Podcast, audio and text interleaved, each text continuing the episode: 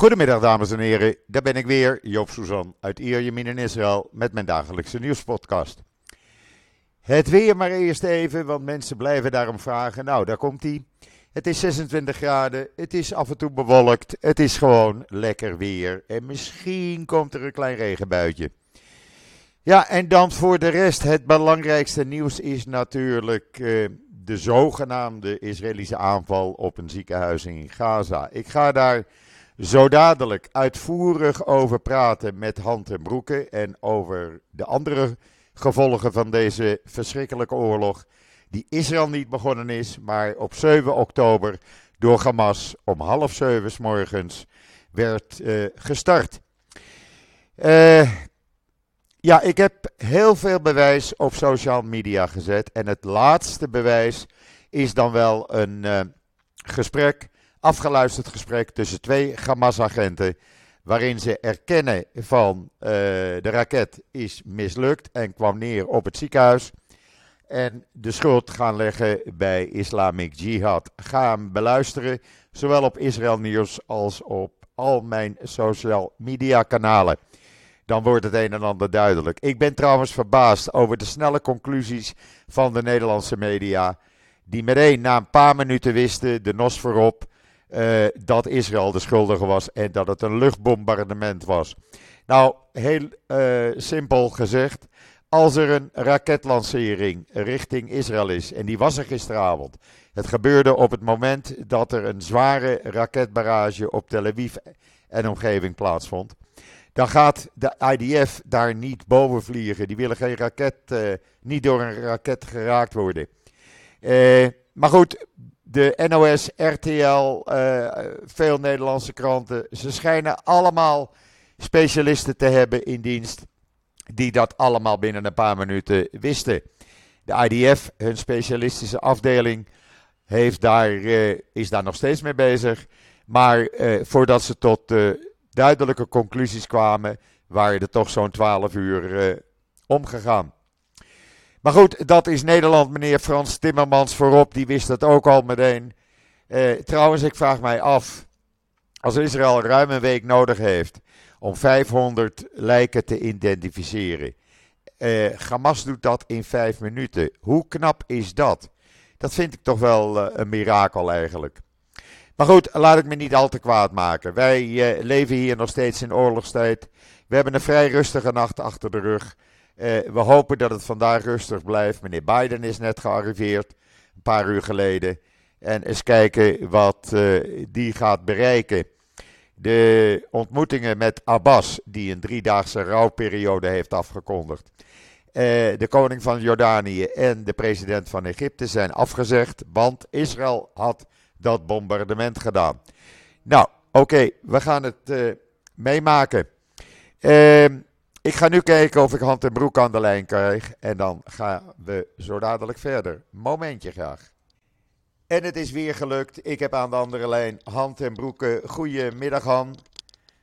Goedemiddag, Joop. Hoe is het met je? Uh, druk. Druk. Weinig geslapen. Dat snap ik, ja. door die toestanden van die zogenaamde raketbeschieting. Uh, daar komt... Mag ik je nog even condoleren met het verlies van een familielid die je voor Dankjewel. begraven? Dankjewel. Het uh, trieste is dat ik. Natuurlijk ook aan al je luisteraars die, die nu mee zitten te luisteren en die met jou meeleven. Maar ja. dat geldt ook voor mij met al, al die mensen die ik heb, uh, die ik ken in, in, in Israël. vrienden. Ik, ik hoop dat jullie het goed maken de komende dagen. Het trieste is dat ik niet naar het rouwbezoek kan omdat het te gevaarlijk is, het wordt afgeraden. En nou, dan doen we dat maar niet. Het is jammer. Te doen, maar je doet ik geweldig het... werk uh, op, op, op Twitter, social media. Nou ja, ik, ik probeer gewoon de, de juiste weergave te doen. of het nou goed of slecht voor Israël is, de waarheid moet worden verteld. En dat is wat ik doe. Nou, laten we daar maar mee beginnen dan. Ja, laten we maar beginnen met die zogenaamde raketbeschieting. Inmiddels komt er steeds meer bewijs dat het Israël niet is geweest, maar Hamas die de schuld bij Islamic Jihad probeert te leggen. wat is jouw inschatting daarover?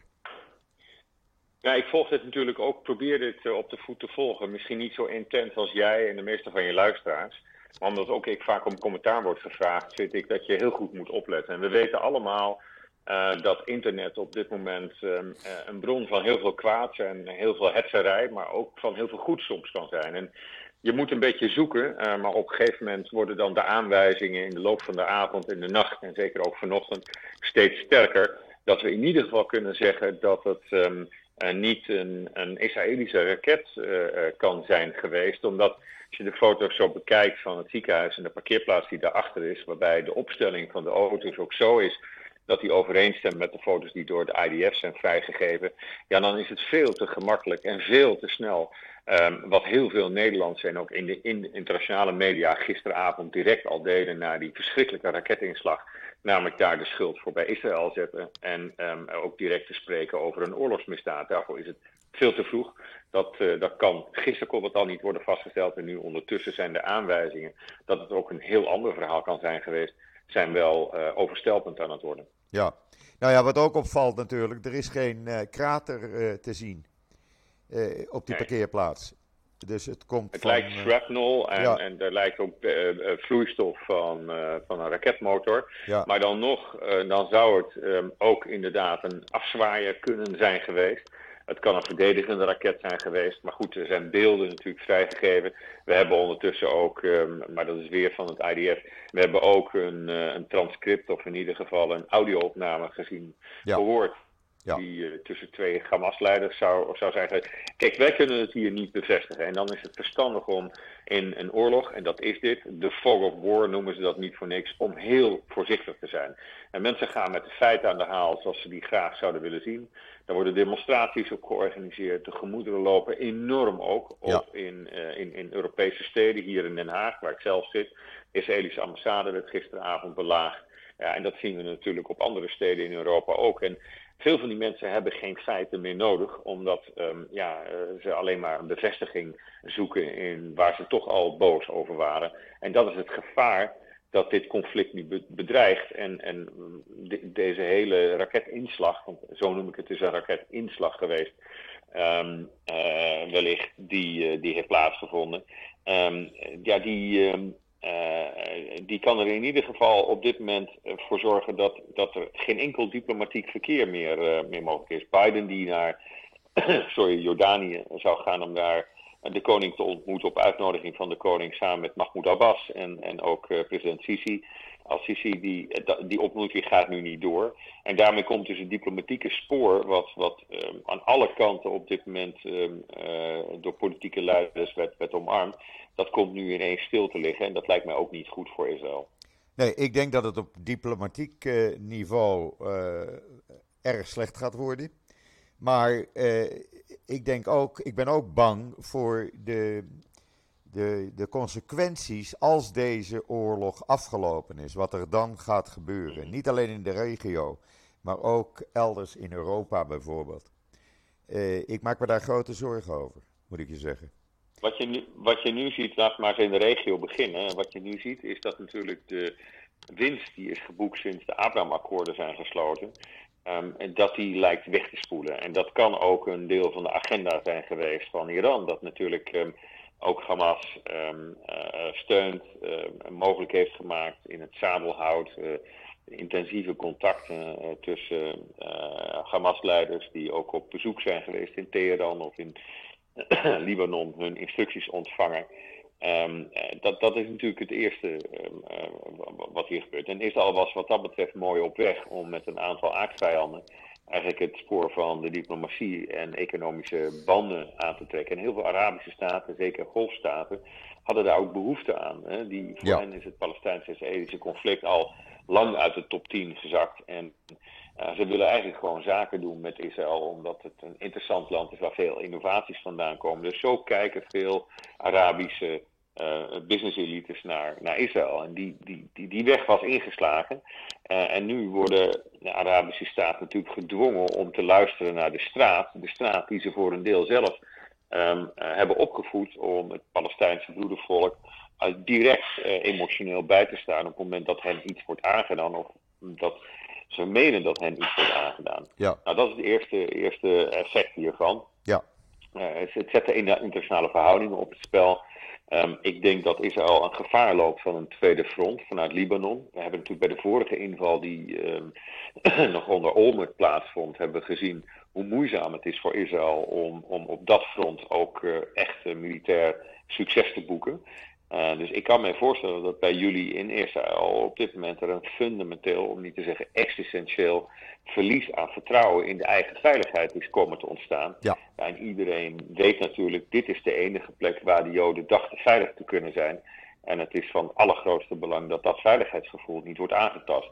En dat is natuurlijk op dit moment, uh, kan ik mij zo voorstellen, is dat wel het geval. Dat is absoluut het geval. Ik hoor dat uh, links en rechts om mij heen. Uh, mensen zijn bang, voelen zich niet meer veilig, waar ze zich vroeger wel veilig voelden. Uh, als ik nu s'avonds uh, mijn hondje uitlaat, zie ik niemand meer op straat, waar altijd mensen liepen. want zo laat is dat niet. er is een verandering, vindt er hier plaats op dit moment. En, ja, en denk je, mag ik jou een vraag stellen? Denk jij nu dat dit, um, want er zijn natuurlijk twee mogelijkheden. Je kunt dan vervolgens denken, ergens met de Palestijnen is het altijd kwaad kersen eten. Dus het moet allemaal nog harder en de muren moeten nog dikker en de veiligheid moet nog zwaarder worden aangezet. Maar, maar ja, er is natuurlijk ook een cynisch spel gespeeld door een aantal Israëlische leiders, inclusief jullie huidige premier, ja. uh, om de uh, Palestijnse autoriteit op de Westbank uh, te delegitimeren en te verzwakken. en Hamas in, in, in, stand te laten. Dat kan nu niet meer. Ik vermoed dat de Israëlische bevolking nu van mening is dat er een einde moet worden gemaakt aan Hamas. Dat ook de tunnels en de infrastructuur uh, dat die uh, definitief tot het verleden moeten behoren. Uh, tegelijkertijd denk ik, kan ik me niet voorstellen dat Israël erop zit te wachten om, om Gaza weer over te nemen. Nog even los van het feit dat dat zou kunnen. Dus, dus er is maar één weg en dat is uiteindelijk zul je met de Palestijnen op dat kleine stukje aarde waar jullie zitten, zul je moeten samenleven. Ja. dat mag wat mij betreft met een muur of een hek. Maar je zult moeten samenwerken. Ja. Dat betekent dat je altijd opnieuw je best moet doen om het vertrouwen te herstellen met Palestijnen. Dat kan niet met Hamas, want daar zit een dodelijke ehm, ideologie achter. Daar valt niet mee te praten. Dat, zoveel wordt nu duidelijk. Nou, in Europa begint dat besef nu ook te ontstaan. Dat in ieder geval bij heel veel mensen dat misschien het veiligheidsidee wat Israël zo na aan het hart moet dragen, dat, dat, dat we dat hebben onderschat. Dat we, net zoals we antisemitisme hebben onderschat, dat we ook dit hebben onderschat. Dat we ook hebben onderschat wat uh, uh, radicale islam telkens weer uh, kan bewerkstelligen. Ehm, in, in, in, Nederland, ik, ik, een schande. de afgelopen week hadden we op de donderdag een demonstratie op de Dam waar God Peter het elk jaar op 4 um, uh, mei wordt opgeroepen om nooit te vergeten. Ja, wat niet? De Holocaust bijvoorbeeld. Uh, en op diezelfde dam worden Israëlische, um, pro-Israëlische betogers na afloop van de betoging, die buitengewoon vreedzaam verliep, opgeroepen om hun vlaggen op te bergen, omdat de veiligheid niet kon worden gegarandeerd. Ja. Op Ja. diezelfde dam vindt twee dagen later een demonstratie plaats uh, die pro-Palestijns is, waarbij vlaggen van Hamas worden getoond. Uh, en er van From the River to the Sea wordt, uh, wordt geroepen. Uh, jouw luisteraars en, en, ik weten precies wat dat betekent.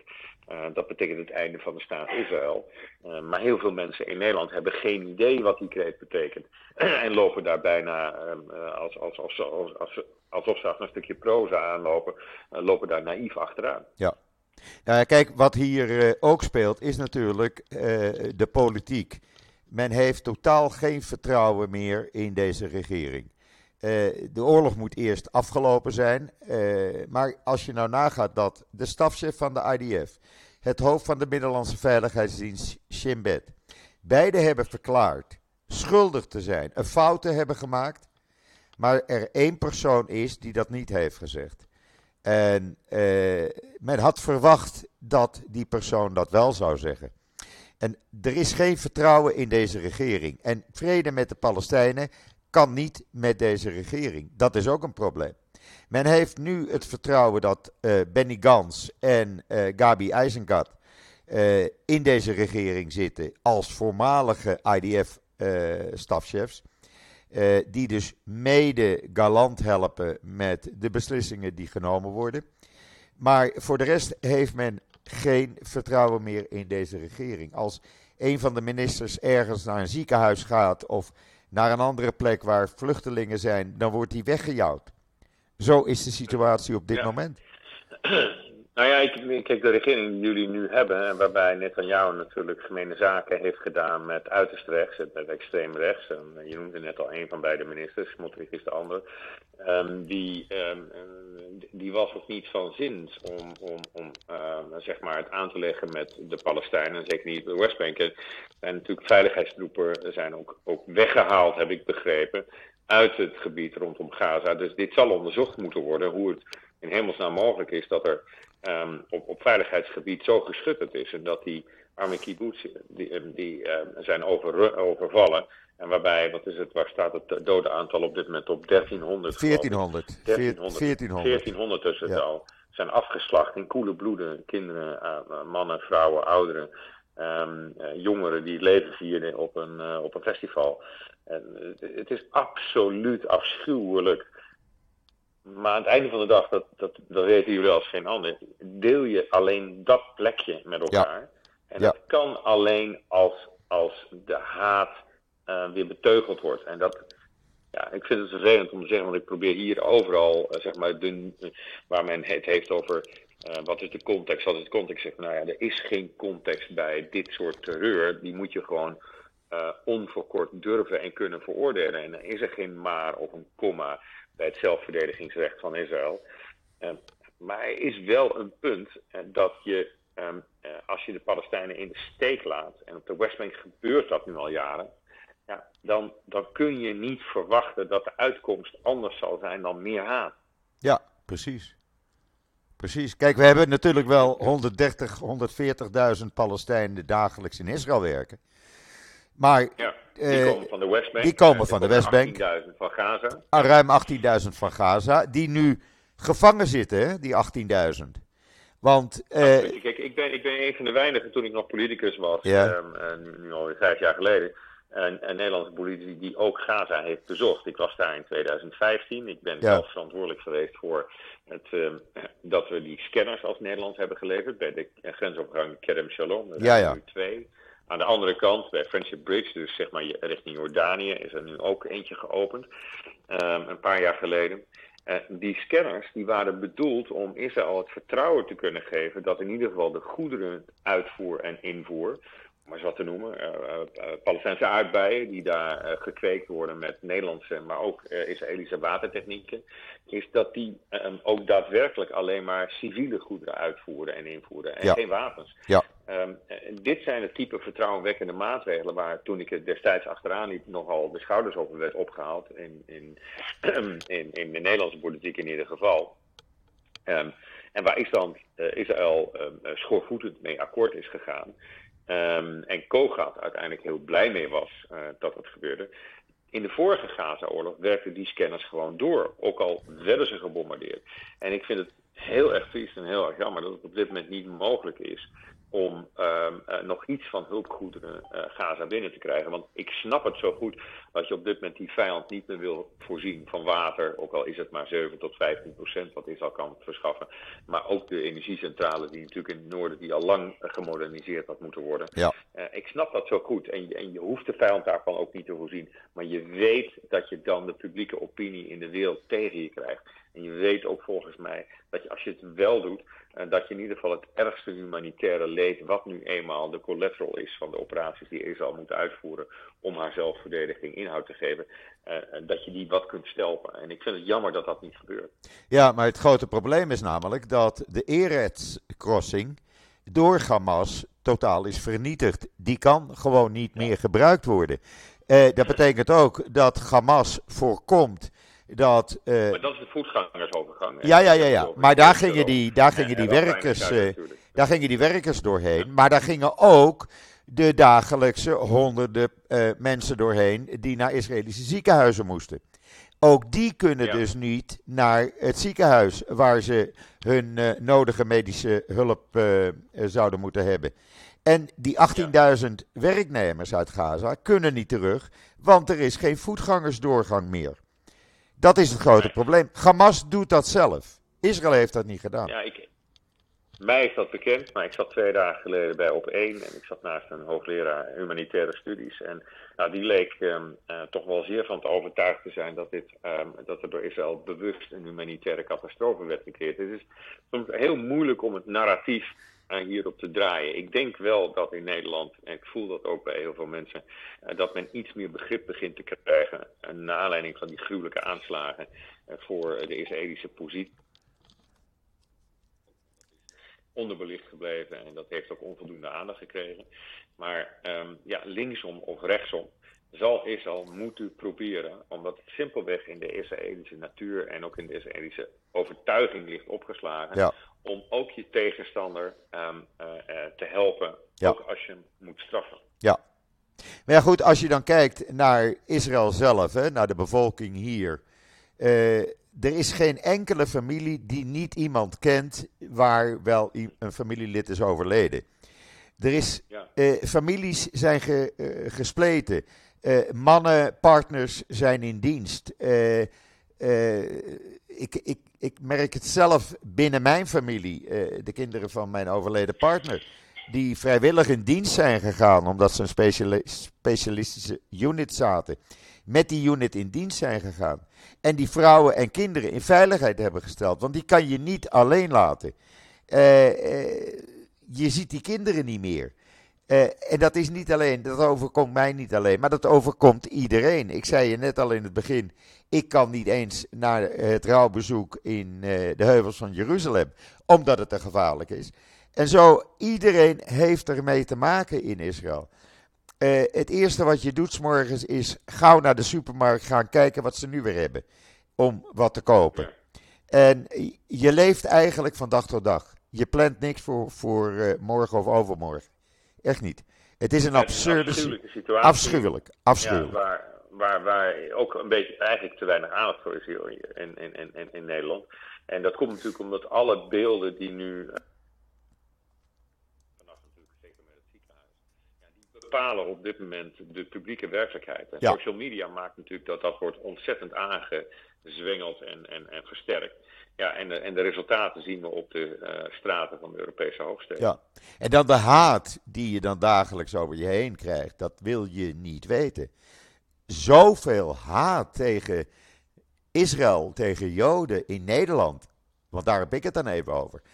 Ik, ik was verbaasd en ik ben nog steeds dagelijks verbaasd. Want ik had dit nooit verwacht wat ik over me heen zou krijgen. De meest afschuwelijke verwensingen die je doen denken aan de jaren 40, 45. Echt waar. Ja, Zo voelt dat. het. En ik hoor mijn, mijn Joodse vrienden hier, uh, zeker als ze een bepaalde leeftijd hebben, hoor ik dezelfde uh, dingen zeggen. En tegelijkertijd zie ik ook iets anders. Ik zie ook ontstaan dat er een Nederlandse regering is die direct voluit achter uh, Israël is gaan staan. En dat ook onvervroren, om maar eens even Duits woord te gebruiken, maar om, om dat, die dat onverkort onvervroren hebben gedaan. Ja. En natuurlijk wordt er door Nederland ook nu weer gewezen op de humanitaire noodzaken. Maar um, uh, er is op dat vlak is er niks veranderd. En in de publieke opinie zie je volgens mij nu ook dat men um, ook wel uh, genoeg begint te krijgen van islamitisch fundamentalisme. Zo zegt dat niet alleen bij jullie elke dag, maar uh, in de vorm van Hamas. Maar um, uh, ook bij ons op straat um, weer laat zien. Hè. We hebben de aanslag Ja. gehad, nu weer in, in, In Brussel. Ja. de, goede, de goede man blijkt een, uh, via een asielverzoek naar Europa te zijn gekomen. Het is hetzelfde verhaal als wat we eerder met de Tunesiër hebben gezien. Ja. Dus, dus als er misbruik wordt gemaakt van je, um, uh, van je democratie en van je openheid en van je vrijheid door mensen die je die openheid, je democratie en die vrijheid willen afnemen, dat is natuurlijk in essentie ook het conflict wat Israël heeft met die Palestijnen die um, Israël niet wensen, die Israël van de kaart wensen te vegen. Ja. Maar, Maar dat, Joop, ja, dat zijn niet de Palestijnen die bij jullie um, op 15 kilometer, als je in Jeruzalem woont, in Ramallah wonen. Hm. Die willen wel gewoon samenleven. Daar konden jullie vroeger gewoon naartoe om um, uh, je, je fruit te halen. Hè. Chaim Divon hier, die hier in Nederland woont, de oude Israëlische ambassadeur, die als jongetje in Jeruzalem is opgevoed, die was niet anders dan gewend om in Ramallah uh, met Ja. zijn ouders uh, fruit, fruit te kopen. Ja. Um, en, en, en die situatie, ja, die is, lijkt verder weg dan ooit. Uh, en, daar, en tegelijkertijd denk ik, daar, het kan niet anders meer dan men inziet dat er maar één weg terug is. En dat is naar een vorm van cohabitatie, van samenleving Absoluut. op datzelfde gebied. Absoluut. En wat mij betreft met een muur ertussen. En met extreme veiligheidsmaatregelen, omdat het vertrouwen er simpelweg niet is. Nee, op maar dit het moment niet. volk kan niet het andere volk verdrijven. Dat gaat niet. Nee, nee, nee. Maar dan vraag ik me toch af, hè. eh, en dat is een, eh, een vraag die me sinds gisteravond eh, dwars zit. Waarom dan een, een staatsomroep, want zo noem ik het, als de NOS, meteen zo snel is met het nemen van conclusies, het maken van conclusies. Binnen een half uur wisten ze het al zeker. Eh, het was Israël, het was een luchtaanval. Onbegrijpelijk. Ik heb het gezien, ook eh, bij RTL was er ehm, eh, directe aanname dat het om Israëlische. eh, je zag het in de NRC, een krant die we natuurlijk al wel langer ehm, eh, op een bepaalde manier zien opereren in dit conflict.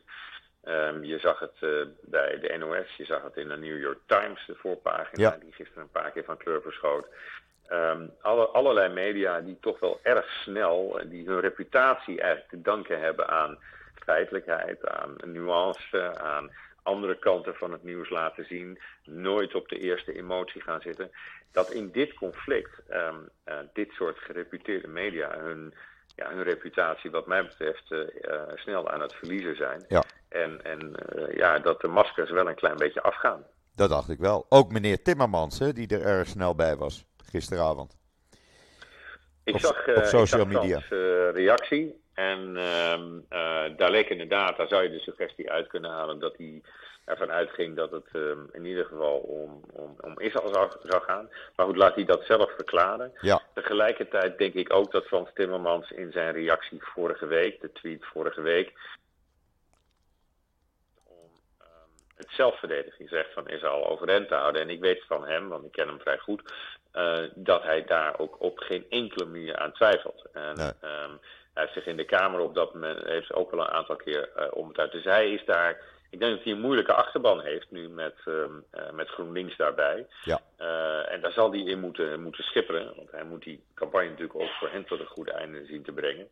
Eh, maar ik twijfel niet aan het, ehm, eh, de, de instelling van Frans Timmermans als het gaat om, eh, om dit conflict.